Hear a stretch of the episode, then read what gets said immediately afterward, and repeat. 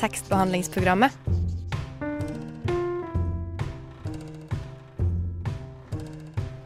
Tekstbehandling på radio.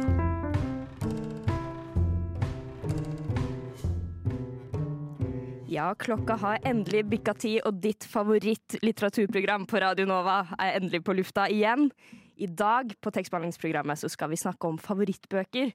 Og nei, må jeg høre på disse sykt irriterende tekstbehandlerne snakke om favorittbøkene sine enda en gang, tenker du kanskje? Nei da, heldigvis ikke. I dag har tekstbehandlingsprogrammet storfint besøk av gangen her på Radio Nova. Jeg har hentet dem inn, eh, frisket dem opp og gjort dem klare for en helt fantastisk sending. Så Sett deg tilbake, ta fram notatboka og gjør deg klar for en god rekke med fantastiske bokanbefalinger. Vi er fremdeles Tekstbehandlingsprogrammet. Det mest nerdete og teite programmet på Radionova. Ja, du hører på tekstbehandlingsprogrammet, men det er kun jeg som er tekstbehandler her i dag. For med meg så har jeg med en gjeng som jeg fant på gangen, tydeligvis. Uh, og jeg syns vi burde starte med en liten navnerunde, men jeg syns vi skal begrense oss til navn. Vi tar navn, redaksjon og også favorittsjanger å lese. Og det må, det må ikke være skjønnlitterært, og det må ikke være bok. Det kan være Meny. det kan være Meny, det kan være nyhetsavis, Tinder-meldinger, hva vet jeg dere leser. Vi starter med venstre for meg her. Venstre for meg her sitter Sander Jordbakke. Eh, hører til i Frokost, morgenprogrammet eh, på Radio Nova. Og jeg leser mye, og liker å lese skuespill. Skuespill er Populært kalt, eller seriøst kalt dramatikk, da. Ja. Eh, lest veldig mange. Er du prisvinnende skuespiller? Jeg er prisvinnende skuespiller. Og mye av det er kanskje med å gjøre at jeg leser eh, veldig mye skuespill. Eh, og det er minst to i dette studiet som har vært hjemme hos meg, som kan bevitne at jeg har mange skuespill i leiligheten. Jeg forestiller meg at du har en sånn bitte liten scene. Med sånn teppe over. Og så drar du frem teppet, og så der står det en lang rekke med drama. Jeg har egen hustekniker som sitter klar med et lite miksebord for å gi meg Som spotlight. bitte liten mann. ja. det er så fint å vite hvordan du har det. God. Alt gir mening nå. Eh, Mitt navn er Selma. Jeg er med i Studentnyhetene. eh, Og min favorittsjanger å lese er biografi slash dokumentar. Veldig nyhetsredaktør av deg. Veldig nyhetsredaktør av meg. Har du en favorittbiografi? Uh, ja, men det er litt flaut å si, og jeg må si med en gang at det er ikke pga. politikken, eh, det er pga. personen. Og det er Siv Jensen sin biografi. Kanskje den beste biografien. Kødder du? Nei, jeg tuller ikke. Lese den på to dager, og det er ikke så ofte sånne ting skjer med meg. For jeg er ikke en lesehest heller. Det er, det er veldig fascinerende. Det, Stopp med en gang, Sander. Sånn du ble en hest her i studio nå. Det var jævlig sjukt. Ja, men vi skal ikke grave videre inn på Siv Jensen, tror jeg. Nei, helst ikke. Jeg heter Jakob. Jeg kommer fra baklengs inn i Lånekassa. Lone, Casa. Og det måtte ikke være litteratur på favorittsjanger? Ja, sjanger. Ja, ok, for Som du nå leser, da. Åh, Ja, eh, ja, sorry. Okay, Nei, for jeg skulle si akkurat nå er favoritt-YouTube-sjangeren min den der hvor de tar eh, denne sangen Just the Two of Us, og så tar de én sånn tegneseriefigur og én historisk figur og setter de sammen i et bilde, og så er det Just the Two of Us. Men du husker hvilket program du var med i nå? Hæ? Du husker hvilket program du er gjest i nå? Ja, det var det, da. Eh, jeg er også egentlig ganske hypp på sånne biografier og egentlig vitenskapsbøker. Sånn fagbøker.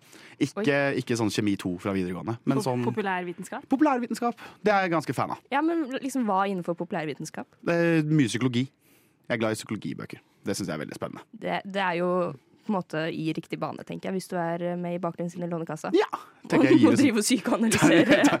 Jeg gir de mest sånn gærne rådene basert på min lille kunnskap om psykoanalyse til folk som bare sliter med å få lage seg mat i hverdagen. Så gir jeg helt sånn out of pocket-svar.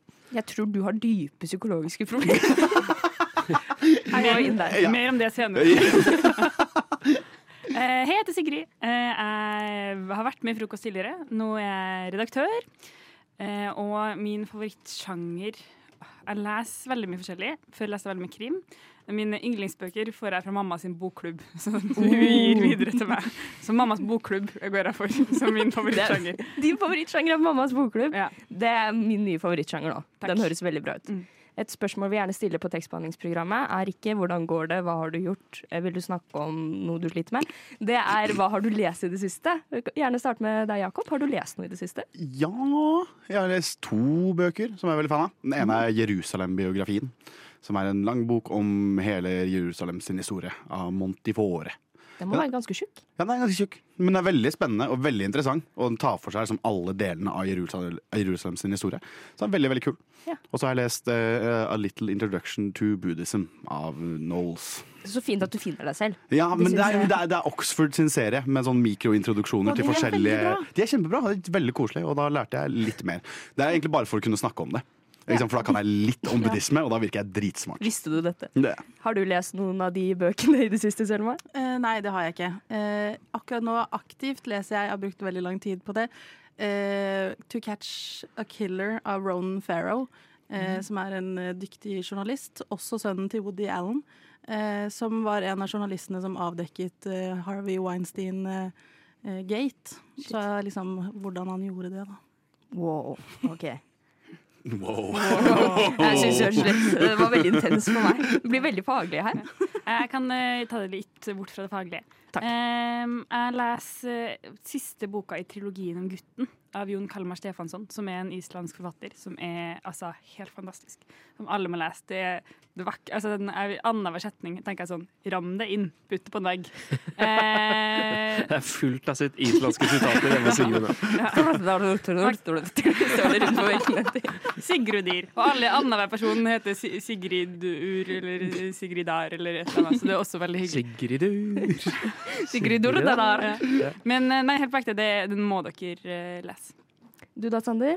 Jeg eh, fullførte mitt siste skuespill for to dager siden.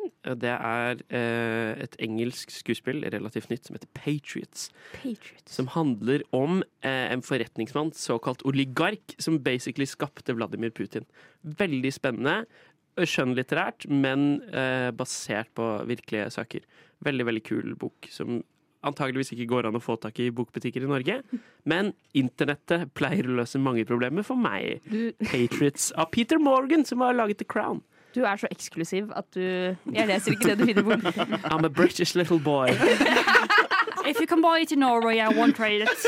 Jeg syns det er veldig fint å høre at dere alle kan lese. Det betyr meg veldig. You have bewitched me, body and soul, and I love, I love, I love. Tekstbehandlingsprogrammet på Radio Nova. Du hører på tekstbehandlingsprogrammet på Radio Nova, og jeg har fremdeles med meg en god bunke, vil jeg si, med novere. Uh, og nå er jeg veldig spent, fordi en av de henvendelsene jeg fikk, var fra vår kjære Selma Bull, nyhetsredaktør, om en bok jeg ikke har hørt om, og jeg husker heller ikke tittelen på hva du skrev. Nei. Så jeg aner ikke hva du har med. Jeg gjorde heller ikke noe research. Det er veldig Utrolig godt jobbet. Tusen takk. Hva er det du Ikke si, okay, ikke si tittel, vi skal gjette. Vi skal prøve å finne ut av hva det er Selma har med. Kan du beskrive litt hva dette verket handler om? Uh, ja, først vil jeg bare male et lite bilde em, om hvordan det var første gang jeg leste den. For da uh, var jeg 13 år og hadde akkurat kommet til den alderen hvor jeg ikke ville være med på hytta med mamma og pappa og familien min. Måtte jo selvfølgelig det fordi jeg var 13 uh, og var veldig sånn åh, alt er teit, jeg vil ikke gjøre noen ting. Eh, og så fikk jeg denne boken av mamma eh, og leste den fra liksom ja, fra den morgenen og ferdig dagen etterpå, typ. Det er ikke ofte det skjer med meg. Eh, men den handler altså om eh, Vest-Berlin. En ung jente som flytter til en liten drabantby i Vest-Berlin. Eh, og begynner å henge på Bahnhof Zoo, som var der eh, de narkomane hang. Eh, og hun starter med å liksom henge på en litt sånn ungdomsklubb, eh, hvor hun begynner å drikke litt, røyke litt hasj. Og så er ikke veien lang til heroin. Eh, så det følger liksom bare henne i det miljøet, og hvordan det er for henne der. Utrolig godt skrevet. Eh, og jeg skrev jo også til deg, Maria, at eh, dette var den liksom første boken jeg leste som ikke var biografi, som jeg likte veldig godt. Fordi Da Selma var ti år gammel, så satt hun og leste Siv Jensen sin biografi. ja. Nei, men det er, det er jo 100 en selvbiografi, så jeg løy jo litt. oh, ja, okay. når jeg skrev det. Jeg visste ikke det på den tiden, da. Eh, Men det er eh, utrolig bra skrevet, og det starter liksom med at hun flytter til denne lille drabantbyen, utrolig fattig. Um, og så gjør hun det egentlig veldig bra på skolen, og det begynner liksom bra. Eh, Men så begynner faren å drikke, og det er liksom kjipt hjemme, og så begynner hun å falle litt av på skolen. Og så blir hun utrolig opptatt av å liksom finne et sted hun hører hjemme. Og så finner hun liksom de kule kidsa på skolen som henger på denne nattklubben. og det er de som introduserer henne til dette. Og så var det også et veldig liksom, stort problem i Vest-Berlin eh, på den tiden med at man hadde ikke så mye å gjøre som ung, eh, og da tydde man gjerne til eh, dop. Eh, og hun begynner jo å prostitu prostituere seg for å liksom kunne eh, ja, betale for eh, dopet. Eh, Så det er jo en veldig sterk bok, og jeg mener at dette burde være på pensum for alle ungdommer, for det maler et bilde av hvordan det er å være narkoman som Hun begynner når hun er 12, eh, tar første skudd når hun er 14. Så det er liksom, hun er utrolig ung også, og de klarer på en måte å skrive det på en måte som gjør at du ser at oi, shit, dette her er jo helt jævlig. Eh, ja. Jeg skulle til å sammenligne det med Døden på Oslo S, men så dro den litt for langt. Sånn, Ja, det høres litt ut som Døden på Oslo S. Sånn, ja, hun prostituerer seg. Ja, men det er, det er 12. liksom et hardt, hardt miljø. Um, Ja. Og jeg tror på en måte at de lever i veldig en sånn fantasi. Og det er hele tiden det viktigste for henne er å passe inn i denne gjengen hun har funnet. Eh, Og første gang hun får en joint, eksempel, så har hun egentlig ikke lyst til å eh, ta det og si nei, jeg vil heller ha en øl. Men så er hun livredd for at de skal da tro at hun ikke har lyst til å henge med dem, for det er jo det eneste hun vil. Så da liksom gjør hun det likevel. Og så liksom følelsen hun får når hun er høy, er så mye bedre enn å være hjemme hvor alt bare er kjipt. Eh, Så hun drømmer liksom veldig inn i denne tilværelsen, og så tar det jo fullstendig overhånd. Dette er da en tysk roman. Ja. ja. Vi skulle jo gjette hva den heter, og nå ble jeg litt flau, for jeg tror ikke jeg kan noen tysk. Remark er det eneste jeg har lest eh, fra Tyskland. Ok. Uh, Når du sa du var 13, så skulle jeg begynne å gjette sånn barnebøker. Fra, Ja, fra, ja, fra, hva leser man når man er barn, da? Sånn, Prostitusjon og narkomani. Jeg skjønner ikke hvorfor mamma ga den til meg, egentlig. men du vokste opp fort, da. Ja, det gjorde jeg. Og du begynte ikke med dop. Eller Nei. det vet ikke jeg, forresten. Nei, det gjorde jeg ikke. Det fungerte som avskrekking. Ja, ok, Det men det er bra. Kanskje det var akkurat derfor hun ga den til deg. Ja, kanskje det var litt sånn åh, du syns det er kjipt å være på hyttetur med familien din. Les denne her du, jenta mi. Sånn kunne det vært. Sånn kunne det vært. Ok, så um, Tittel på boka. Nå driver jeg og kverner mye. Mitt Mitt liv som narkoman. Det henger meg opp i dette Bahnhof Zoo, Ja! for det er en fet tittel eventuelt. Eh, og jeg syns Bahnhof generelt er et kult tysk ord. Eventuelt hovedjernbanestasjon, som er Hautbahnhof. Som jeg syns er enda gøyere. Du er på en måte inne på det. Yes. Heter den Bahnhof Zoo? Jenta på Bahnhof Zoo. Nei, det heter Christiane F, som er hennes eh, navn. Eh, Wir Kinder vom Bahnhof Zoo. Vi barna fra Ja. Bahnhof Zoo. Ja. Du kan jo tysk, du! Wow. Deutsch ja. Men Ja. OK. Og dette er da også en serie? Lurer på om du nevnte det? Ja, eh, det, den har blitt filmatisert flere ganger, eh, men det kom en ny serie i 2021, fant jeg ut i går. Eh, for jeg gjorde litt research, da, for det er jo noen år siden jeg har lest den.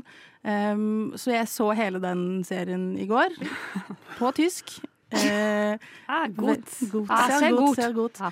Eh, og syns den, for, den er på en måte bra, men jeg syns ikke de klarer å fange helt hvor jævlig det er, samtidig som det er et lite håp der hele tiden. Eh, like bra som den originale filmatiseringen, da, som er utrolig bra. Som jeg tror kom på 80-tallet eller noe. Hvor, hvor gammel er boka? Hvor lett er den å få tak i i dag? Hvis jeg går til ark nå, liksom? For det syns ikke Sander er noe gøy. hvis den er lett å få tak i. Nei, eh, men da tror jeg det er en bok for deg, fordi den er ikke så lett å få tak i. Jeg, I mitt hode er dette en liksom veldig poppis bok. Jeg tror den var veldig stor i Norge på liksom 80-tallet, når det fremdeles var litt eh, kald krig. For det er, det er et veldig stort tema i boken også. Eh, men jeg tror ikke den er så lett å få tak i nå. Det var ingen Deichman-biblioteker som hadde den okay, for der, eksempel. Eh, så det syns jeg var litt rart, for det er en veldig god bok. Eh, Som jeg syns unge mennesker burde lese, for å få et lite innblikk i både det historiske perspektivet med eh, kald krig og delingen av Tyskland og liksom disse tingene her, men også beskrive hvordan det er for narkomane unge mennesker, på en annen måte enn f.eks. Euphoria, som har en litt annen vinkling på det. på en måte. Hvis du har lyst til å lese noe som kommer til å bli pensum når Selma Bull blir kunnskapsminister, så får du gå til eh, en eller annen Fretex og prøve å finne Vi barna fra Bahnhof Zoo. Fuck yeah, bro! Jeg hører på tekstbehandlingsprogrammet. Radio Nå Nå er det litt skummel stemning her i studio, for nå er det to stykker med meg her som har reist seg opp. Jakob ser veldig intenst på meg. Jeg Det er litt bare lyst til sånn å ser gjemme ut. meg. Å, ja, ok. Ja. Eh, Det var jo to henvendelser, henvendelser jeg fikk eh, fra to forskjellige personer, men om samme bok. Da jeg innkalte til dette ekstraordinære møtet som vi har her i dag.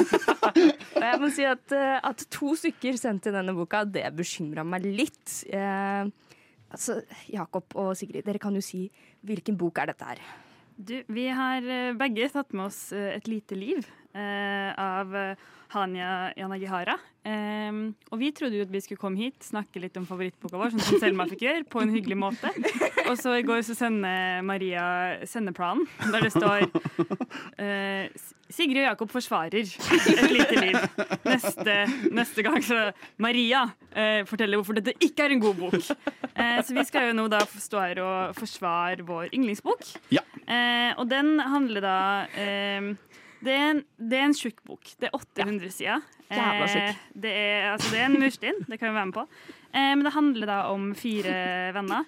Eh, JB, Malcolm, Malcolm, Malcolm Willem og Jude, eh, som flytter til New York etter college. Eh, så er det en litt sånn slags coming of age. Jeg føler de er mellom tre-fire tiår. Ja, det er vel rundt 30 pluss år. Ja, eh, men som med tilbakeblikk hele tida. Jude eh, St. Francis som hovedperson. Som også er den vakreste karakteren noensinne skrevet i en bok. Jeg skulle bare si det. Eh, som er et veldig et, En gåte av et menneske, både for dem som ja, eh, kjenner han godt, eh, og eh, oss leserne og han sjøl, tror jeg egentlig. Ja. Eh, som man blir kjent med da, underveis i hele boka. En, enn så lenge så får jeg litt Friends-vibe. Ja. Ja, Men er det litt sånn, det, er det det, mer- å, det var på en måte rammeverket. Ja. Eh, men det er også eh, Jeg tror ikke jeg har lest så traumatiske og vonde og dramatiske scener i en bok noen gang. Nei, og det er, liksom det, jeg- det er det jeg liker veldig godt med, med eh, hele boka, er at det liksom nøster opp i et helt eh, voksent liv med traumer og forhold og relasjoner. På en veldig, veldig, veldig, veldig fin måte. da. Og noe av kritikken jeg har hørt tidligere, er at den blir liksom for intens innimellom, eller noen sånne ting. Men det er på en måte så ekte skrevet, på alle, i hvert fall fra mitt perspektiv, fra alle mulige synspunkter. Ikke bare når det kommer til traumer eller noe kjipt som skjer, men uh, alt som blir forklart i boka, eller skildret i boka, blir gjort på en veldig, veldig ekte måte. Og en av mine favorittting med hele boka Det er jo en kvinne som har skrevet boka, men likevel så er det en forholdsbasert, uh, forholdsbasert historie mellom fire stykker, vennskapelig, da. Og hvor intimt og hvor ekte disse relasjonene føles, fra, fra mitt perspektiv som mann, da, for der har jeg litt autoritet, i hvert fall. Eh, men da er det veldig genuint skrevet og veldig ekte skrevet, som jeg blir liksom overraska over at noen har greid å fange disse følelsene og typene Ja. så godt i en roman. Det er en av de mest fangende leseropplevelsene jeg har hatt. Eh, Jeg satt, eh, det eneste gangen jeg la fra meg boka, var liksom når jeg måtte sove, og eller når det ble for vondt å lese. Så jeg måtte liksom ta meg en times pause eller noe. For du har bare lyst til å fortsette og fortsette. fortsette. Eh, og jeg har altså lært det er flåsete å si, men jeg har lært veldig masse både om, liksom, jeg føler om meg sjøl, om relasjoner man har, om liksom, menneskelige følelser og emosjoner av å ha denne boka. Jeg satt og leste gjennom den i går og viste Jakob et bilde i sted av meg klokka to i natt som bare har tårer overalt fordi jeg liksom leste igjen slutten på denne fantastisk vakre boka. Eh, og det er, det er veldig brutalt. Det er vondt skrevet. Det handler om mishandling, og det handler om eh, tortur. Det handler om liksom, veldig mange tøffe, tøffe temaer. Men at, det liksom, at vi fortsatt står og anbefaler denne boka så varmt, og bare den balansen de klarer å skape da, mellom godhet og ondskap. Ja, Selma forklarte jo sin bok eh, her som en som burde vært pensum. Syns dere A Little Life burde vært det? Nei, Nei. Eh, kanskje ikke. For det er, det, er, noen som jeg har snakka med om denne boka her, hvor jeg har sagt at du burde ikke lese den. Eh, Ja, ikke hvor man virkelig sier sånn den blir, den blir for mye. For f.eks. noen som har gått gjennom lignende traumer eller eh, lignende prosesser eh, i sitt eget liv, så tror jeg denne boka her hadde vært for har vært for ekte og for intens. Og det er veldig sånn Hvis man skulle hatt en trigger warning på noen bøker, da, så hadde denne her hatt en veldig sterk en. Det ligger veldig- veldig mange trigger warnings på denne boka på internett. Ja. Eh, Men eh, ja, den er, hvis man eh, tåler, tåler det, skulle jeg si, så er det, man lærer man utrolig masse av å lese den. Og så blir man så godt kjent med den, for den er jo den er veldig lang, eh, men da blir man så godt kjent, og du føler liksom kjenner, Du blir liksom venner med alle de karakterene i boka på en helt annen måte enn man klarer å bli på en kort bok. Da. Og så er det jo alle, Ingen av karakterene er jo perfekte heller. De har veldig store eh, flaws, som jeg ikke husker hva er på norsk nå. Feil. Feil, feil mangler, Mangler. mangler, riktig. Eh, og til tross for dette her, så får man i hvert fall en veldig dyp relasjon til karakterene.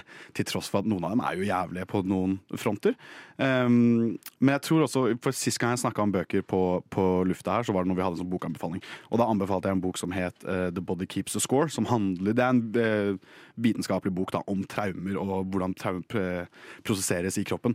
Det, Hvis man da leser de to på en måte ved siden av hverandre, eller har lest begge to, så ser man også veldig eh, sterke Kan man trekke sterke tre, linjer fra A Little Life til denne vitenskapelige boka om traumer. Så selv om det er ganske intenst, og sånne ting, så treffer forfatteren veldig sterkt på hvor ekte dette her er. da, I hvert fall på traumeprosessen. da. Ja, dere har gitt et veldig godt forsvar. Tusen takk. Når vi kommer tilbake, så skal jeg komme med mitt motsvar. Vi skal også få en dom fra dommerne vi har her i studio, som vi har lånt fra juridisk fakultet. Det er Selma og Sander. Ja. det har liksom vært som en sånn derre Du hører på tekstmaskinen. Marie Aubert og jeg sitter her. Og du er sånn eh, Marie Bær. Marie Aubert på besøk. Jeg og Eline. Marie og Bær. Hei, jeg heter Marie Aubert, og jeg elsker tekstbehandlingsprogram. Ja, du hører fremdeles på tekstbehandlingsprogrammet. Og tidligere her så forsvarte Jakob og Sigrid eh, boka Et lite liv. Som eh, jeg vil si har trenda, Den har jo trenda litt på booktalk. Den har vært en liksom sånn BookTok-bok. Den har blitt mer poppis enn jeg ville at den skulle bli. Ja, ikke- oi! Ja. Ja, du er sånn der, jeg leser faktisk bøker som ingen andre har hørt om. Nei, men det ble for mye på, en måte, på et tidspunkt. Den følelsen når man føler seg spesiell, og så ender man opp og snakker annenhver setning. Ja. Den følelsen. Ja, dere gjorde et veldig bra forsvar her. Takk, takk. Eh, Grunnen til at dere gjør et forsvar, er fordi jeg skal angripe boka, og til slutt så skal Selma og Sander gi den en dom.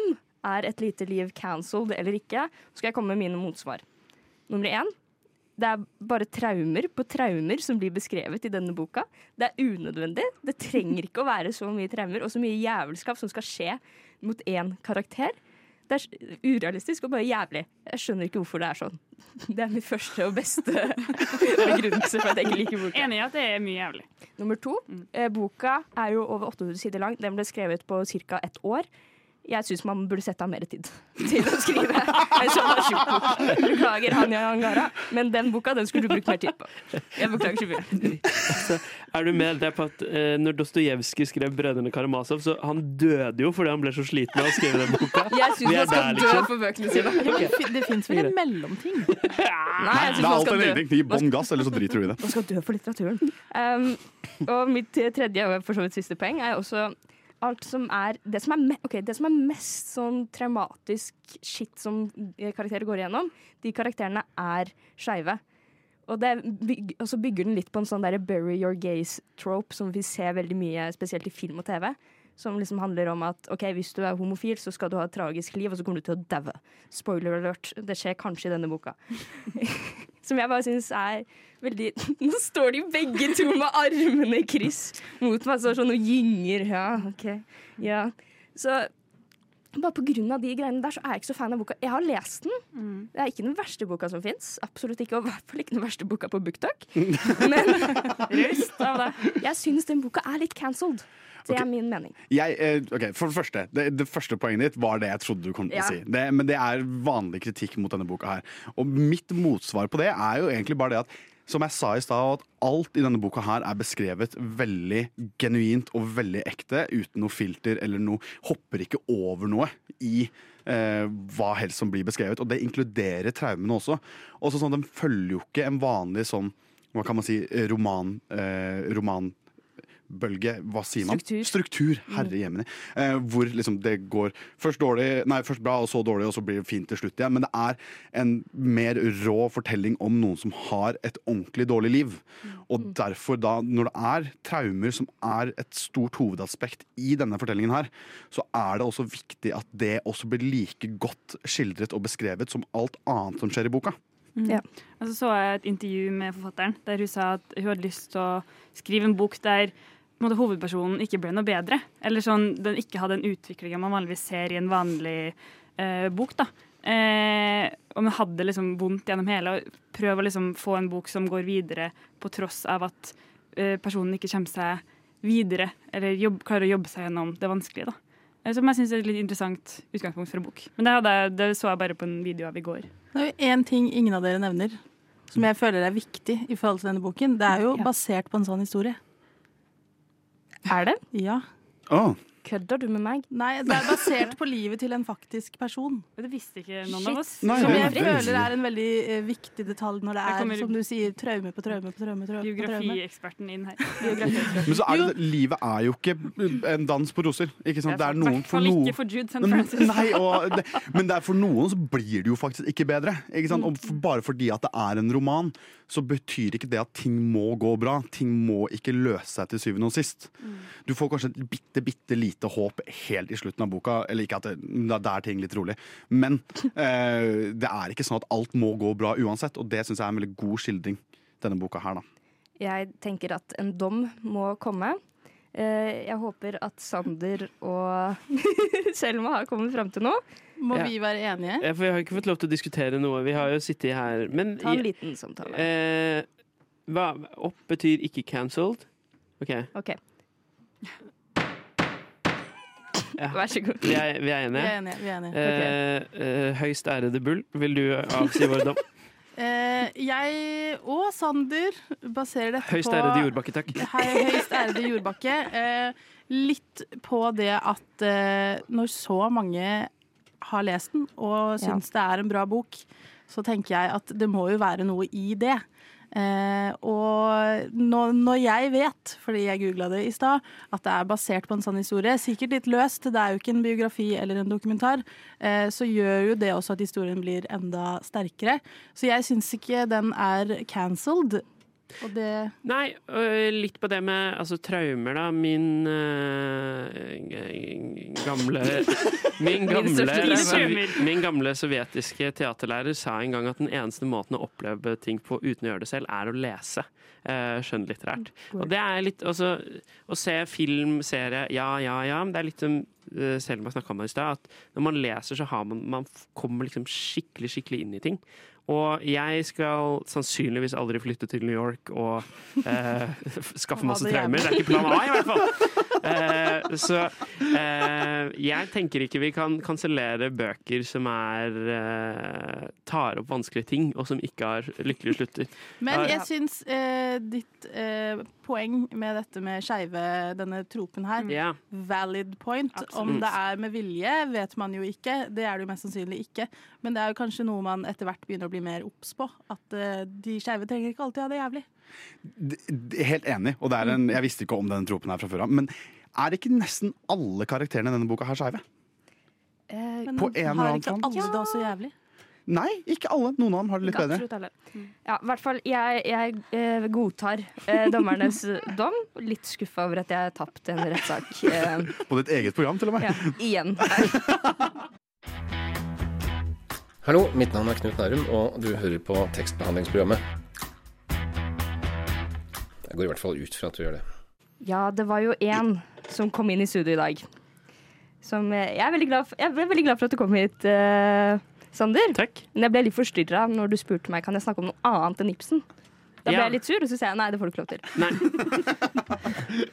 Jeg er jo en eh, Ibsen-gutt av rang. Om jeg, får, jeg vil little Ibsen boy. eh, En liten Jeg- britisk Ibsen-gutt. Jeg vil tro jeg er topp fem 24-åringer i Norge eh, når det kommer til Ibsen. Det, Topp én. Jeg vet ikke, vil jeg tror du kan få den, altså. Ja, Ja. Du er den eneste. Jeg vil satse på pallplass, egentlig. Ja, jeg tar gjerne det nå. Hvis det er noen 24-åringer der ute som vi møtes, så ring meg. Kan vi lage en Ibsen-bokklubb? Ja, det er veldig hyggelig. Nei, men eh, jeg tok med meg Ibsen. Jeg har tatt med meg en eh, ung, kjekk fyr som Deg selv. Som eh, lyver, drikker og flyr fra jente til jente. Og i tillegg så har jeg tatt med meg en bok. Eh, nei, men eh. Per Gynt eh, er mitt litteraturvalg. Eh, og det er, det er i stad nevnte eh, Selma snakka om sin bok og sa at den burde vært pensum. Jeg er litt der at, eh, For Ibsen er jo eh, i praksistalt pensum. Det er ikke Ja. spesifisert noen forfatter i norsk pensum, men Ibsen er basically pensum uh, overalt.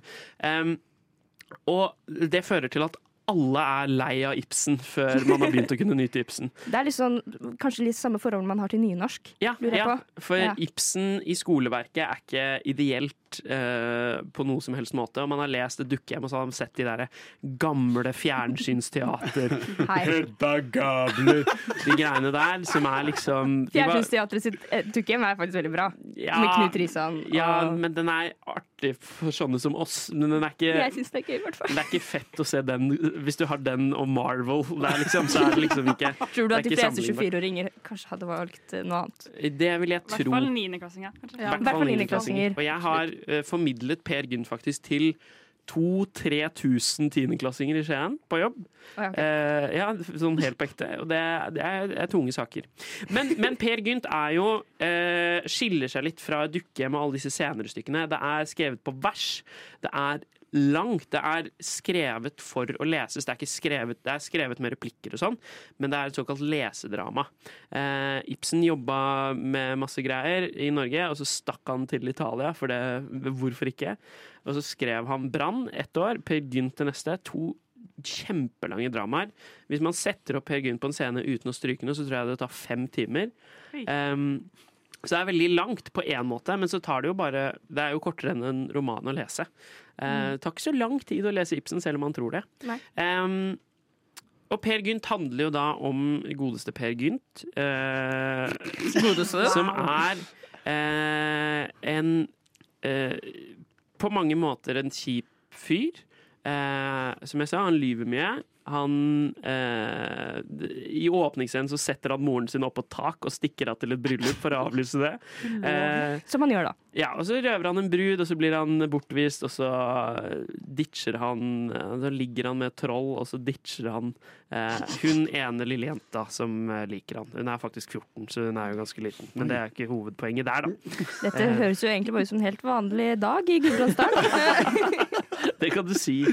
Um, men det er jo Vi kommer oss gjennom hele livet til Per Gynt, og det er uh, en sitatmaskin av rang. Her kan vi snakke om å tapetsere veggene. Og det norske språket er jo faktisk, ikke sant, bøyg. uh, du har denne løken med flere lag. Det er så mye i dette stykket som er som uh, man finner igjen i Jeg vil påstå ganske mye av norsk kultur um, Ja. i dag. Det er Kan jeg bare spørre veldig fort? For det er et veldig kjent Shrek-sitat. Ja. Hvor han snakker om at han er en løk.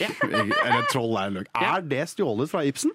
Eh, om det er stjålet Jeg vet ikke hva som går først av Shrek og Per Gynt, men Det eh, kan jeg. Jeg Vi tipper Per Gynt. Eh, skal jeg bla jeg se om jeg finner løkemonologen her. Dette er jo et veldig kjent stykke, så det kan jo godt hende at uh, Shrek ble litt inspirert når han leser Per Gynt. da. Per, Per Gynt. Over Men, men har dere rundt her lest Per Gynt? Ja. Jeg leser andre. Jeg tror jeg var innom på videregående. Jeg tror jeg har sett det, på en måte. Men eh, er det, er det gammeldags eh, gammelnorsk, liksom? Ja, det er jo det også folk er redd for Ibsen, at det skal være sånn som de der PD, altså utskriftene av PDF man fikk på videregående. Um, den utgaven jeg sitter med her, som er fra Gyldendal, det er ganske små, greie bøker som fins av eh, ganske mange av Ibsen sine verk. Den er veldig fint modernisert, så den leser man som en vanlig bok. Mm. Og det er jo helt fantastisk, for jeg også syns det er slitsomt å lese det AKV, eller det står jo Mm. AKV, da, men det står liksom Men uh, dobbel A istedenfor Å og sånn. Mm. Det er slitsomt. For det høres jo ut som noe man altså sånn, eh, En bare sånn bad boy man burde kunne selge inn til niendeklassinger. Sånn, Ja. Han ligger sjukt mye rundt og Ja, det er litt ja. det, er litt det jeg tenker. Ja. Per Gynt blir jo stadig satt opp eh, mange steder i Norge. Jeg lurer på eh, Sander som prisvinner skuespiller og teatermaker, hvis man kan si det. Eh, hvordan hadde du satt opp Per Gynt for at det skal appellere til 9. og 10. klassinger, som du av en eller annen grunn har veldig mye erfaring med? Kanskje på Økernsenteret? Kanskje Han blir populær. Nei, men per, det er noe med det at Per Gynt er eh, Har mange likhetstrekk med eh, også folk i mediebildet i dag, liksom. Eh, at liksom, ja eh, Det er en fyr som gjør veldig mye galt. Veldig, veldig mye galt. Eh, han eh, svindler og stjeler og blir stjålet fra. Det er ikke noe galt i det, da, for så vidt. Men, med, og og det, det verste han jo gjør, som jo også poengteres av Ibsen, som vi også nevnte litt her i stad, at han frakter slaver. Eh, liksom. Eh, og vi er jo på 18, Boka er skrevet i 1867, men det var jo fortsatt eh, anerkjent at det ikke var greit å gjøre den gangen. I hvert fall her på denne siden av kloden. Em, så han, han er en veldig usmakelig fyr på en måte, men så er han jo em, også eh, lett å kjenne seg igjen i. For vi er jo alle litt usmakelige på bunn. Jeg ser Altså- rundt meg i studio her. Ja. Altså, nå har du solgt inn Per Gynt for meg. Jeg fikk inntrykk av en slags eh, gammel versjon av Sofie og Elise og Cezinando rulla opp Ja, i én. Jeg gleder meg til Men sette jeg, jeg setter den gjerne opp eh, med Sofie Elise i hovedrollen. Ring meg. Per Gunn sin Tinder-profil, for eksempel. Ja. Det er Sander sin Tinder-profil. Masse fiskebilder. Jeg vil skåle for Friedrich Nietzsche. Skål! Godgutten. Tekstbehandlingsprogrammet for deg som liker Nietzsche Som forresten bare, bare drakk melk. eller melk. Ja, vi har hatt eh, en slags bokklubb her på tekstbehandlingsprogrammet i dag. Med et, igjen, som jeg sa tidligere, en god bunke med novere. Eh, og jeg lurer på, Selma, du har jo fått noen bokforslag eh, nå i løpet av denne timen. Har du blitt overbevist om å lese noen av disse bøkene? Nei. Nei. Wow, okay. rude. det, det var Jeg har prøvd å lese Little Life. Uh, Fanga meg ikke like mye som Christiane F. Har vært innom Per Gynt på videregående. Det, vet du hva, Jeg skal være ærlig og si, og det er ikke fordi jeg tror at det er eh, At jeg er sånn Nei, jeg liker ikke Ibsen. Men jeg, det er ikke noe jeg klarer å lese. Men Selma klarer jo bare å lese Siv Jensen, så det er på en Ja, måte, det er ingen skal bli fornærma av det. Det må være basert på ekte historier, og det må være biografi helst, eller dokumentar. Det kan ikke, ja, kan ikke være basert, det må være ekte. Skjønner. Hva vil du helst lese, Jakob? Eh, narkomane tyskere, eller en litt irriterende Hva kjenner du deg mest igjen i? Eh, Nå er jeg Ok, slem. Eh, Nå er jeg, liksom inne, jeg har vært så lenge inne i traumelandet. Så jeg tenker jeg har heller lyst til å fokusere litt på norsk eh, litteraturhistorie og eh, skuespill, så jeg skal lese Ibsen. Skuespill. Han klarer ikke å si det genuint engang. Han sier liksom litt om innsatsen. Så jeg gidder ikke. Men eh, ja, jeg skal lese Ibsen. Eh, Vi har jo for så vidt hatt en bokklubb av en grunn. Eh, Her på Radio Nova så har vi nå en litteraturpris som tekstbehandlingsprogrammet skal dele ut. Hvor hvem som helst kan sende inn sine favorittleseopplevelser, sin favorittbok, og den blir nominert. Kanskje den vinner. Den linken kan du finne på tekstbehandlingsprogrammet sin Instagram. Og ellers så vil jeg bare si tusen takk for at dere ble med her i dag. Det var veldig hyggelig. Veldig hyggelig. Takk for at du fikk komme. Så bra. Tekstbehandlingsprogrammet hører du hver onsdag fra 10 til 11 her på Radio Nova, eller når du vil på podkast. Vi bokes.